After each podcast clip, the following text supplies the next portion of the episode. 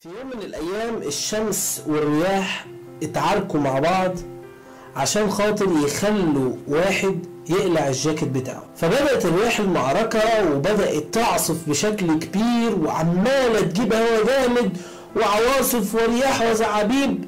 ولكن فضل الشخص متمسك بالجاكيت بتاعه ومش عايز يقلعه. لما الرياح فشلت في إن هي تخلي الراجل يقلع الجاكيت بتاعه دخلت الشمس بكل هدوء وبدون عصبية وراحت طالعة وسطعت الشمس وعملت دفء شديد خلت الراجل لوحده من غير أي حاجة يقلع الجاكيت بتاعه. ده بالظبط اللي بيحصل في عملية الشراء. في بياع بيخلي الزبون يحس إنه عايزه يشتري بالعافية. أنت لازم تشتري مني. وده بيخلي الزبون يحس إن في حاجة غلط وبياخد بعضه ويهرب من البياع ده على طول. على العكس في بياع تاني بيحسسه بالدفء والأمان بتاع الشمس ويخلي الراجل دوت حاسس إن هو مستريح فيشتري الحاجة اللي هو عايزها ويبدأ ينصاع لرأي البائع بتاعه.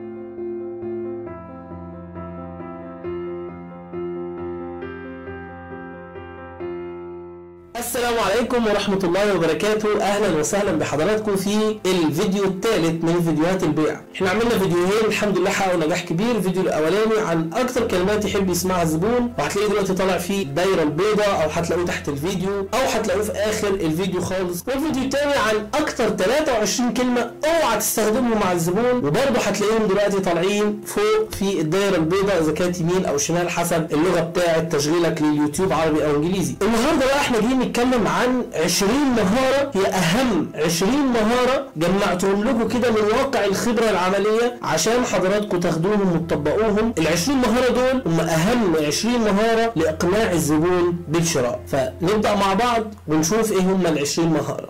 يلا بينا. أول مهاره بنقول لك إنك لازم تخلق اهتمام مشترك ما بينك وما بين الزبون بتاعك. الاهتمام المشترك ده بقى يتمثل في أي شيء؟ دور على نقاط الاشتراك ما بينك وما بين الزبون بتاعك. دايما يا جماعة البياع الذكي اللي يشوف زبونه بيحب إيه ويبدأ يشاركه فيه يقول له آه والله عندك حق الحاجة دي كويسة جدا. فعلا أنا مع حضرتك. ويبتعد عن المناطق اللي بيختلف فيها مع الزبون. فكل ما أنت قربت للزبون وقربت للفكر بتاعه والمناطق المشتركة اللي بينك وبينه عرفت تكسبه بشكل كبير. لما الزبون يحس إنه شبهك وإنت شبهه واهتماماتكم أنتوا الاثنين زي بعض هيبقى واثق فيك جدا وهيشتري منك. تاني مهارة وهي من المهارات الاستراتيجية ما بيعملهاش إلا الشركات ال gentle أو الناس ال high class وهو إن أنت تلفت انتباه الزبون أو تخليه ياخد باله كده من حاجة غير متوقعة. مثلا الزبون داخل يشتري منك فأنت عندك زحمة ما شاء الله فتقول له اتفضل يا فندم ده مشروب الويلكم درينك اللي بيتعمل مثلا في الفنادق.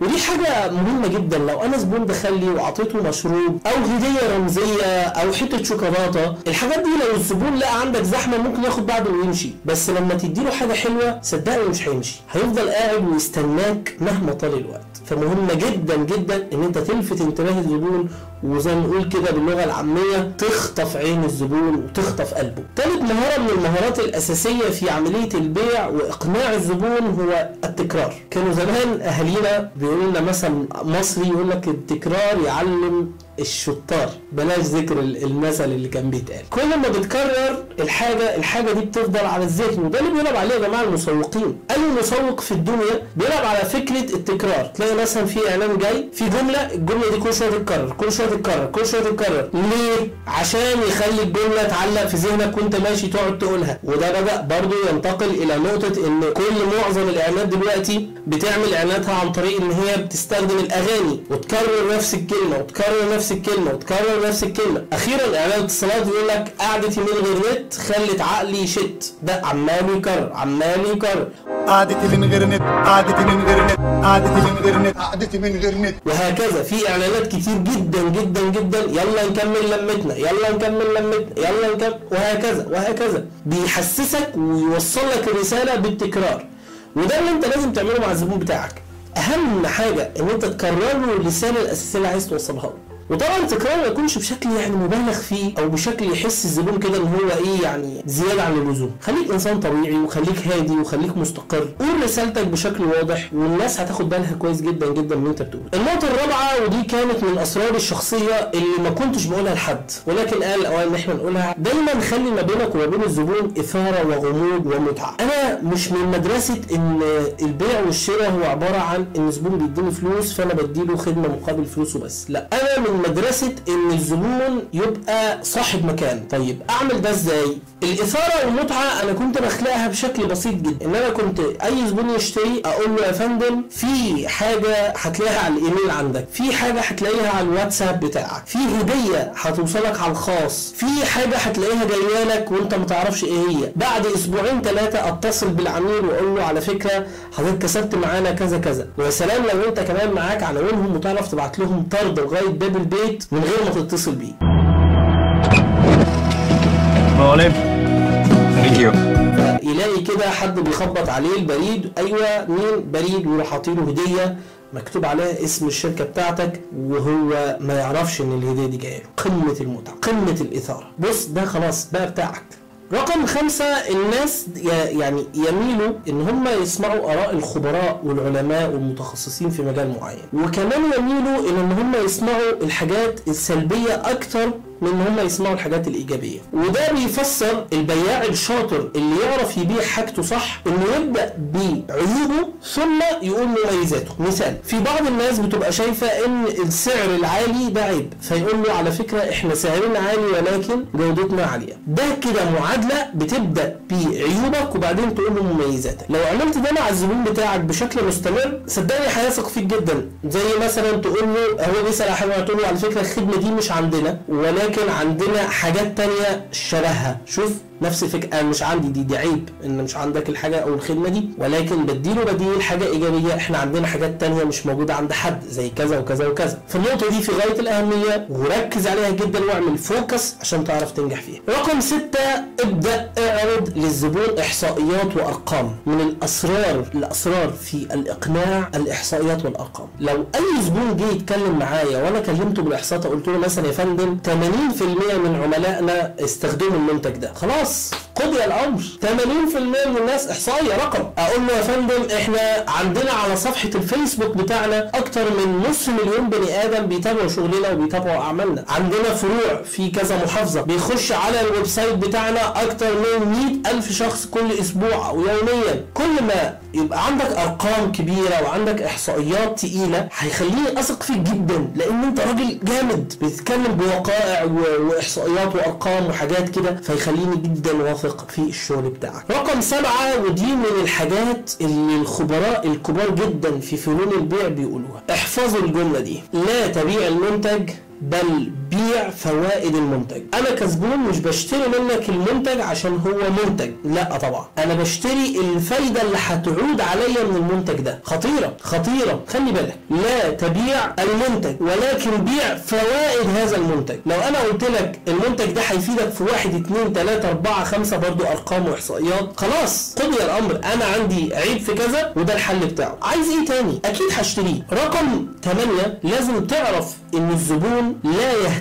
إلا بمشاكله الشخصية. وكل عمليات الشراء اللي بيعملها هي عمليات لبحث عن حلول لمشاكل وحاجات هو بيعاني منها. فلما تيجي تبيع ابدأ من احتياجات الناس. ودي كلمة السر في البيع النيد. اخلق النيد عندي عشان اشتري منك. طيب ألعب اللعبة دي إزاي؟ بكل بساطة أنا عندي سيارة. هبيع السيارة ديت لشاب صغير وهبيع السيارة ديت لرجل كبير ورب أسرة. لو هبيع السيارة ديت لشاب صغير أنا أبسط حاجة أقول له العربية ديت سريعة جدا على الطرق. السيارة ديت يمتلكها فلان وفلان وفلان. السيارة ديت بتاعة المشاهير. السيارة ديت مش أي حد يركبها. السيارة دي فيها كذا. أخش له من الحتة بتاعته. لو هبيع السيارة ديت لواحد كبير ورب أسرة أقول له السيارة ديت شنطتها كبيرة. آه حلوة. السيارة ديت آمنة مستقرة على الطريق. كراسيها واسعة. تقدر تلم الأسرة كلها فيها. إيه ده؟ تقدر تسافر بيها. كل الحاجات ديت هي الاحتياجات. لكن لو جيت قلت لرب الأسرة ده فلان الفلاني خليني أقول لك طب أنا أعمل بيها إيه؟ أنا عايز حاجة عملية ليا وللولاد لكن ده لما تيجي تكلمه هتقول له ده فلان بيستخدمها دي عربية سريعة دي عربية مفيش منها. لما تمشي بيها في الشارع يبقى كل الناس تبص عليها هو ده اللي هو بيدور عليه. فابدا من مصالح الناس الشخصية والمود بتاع كل واحد.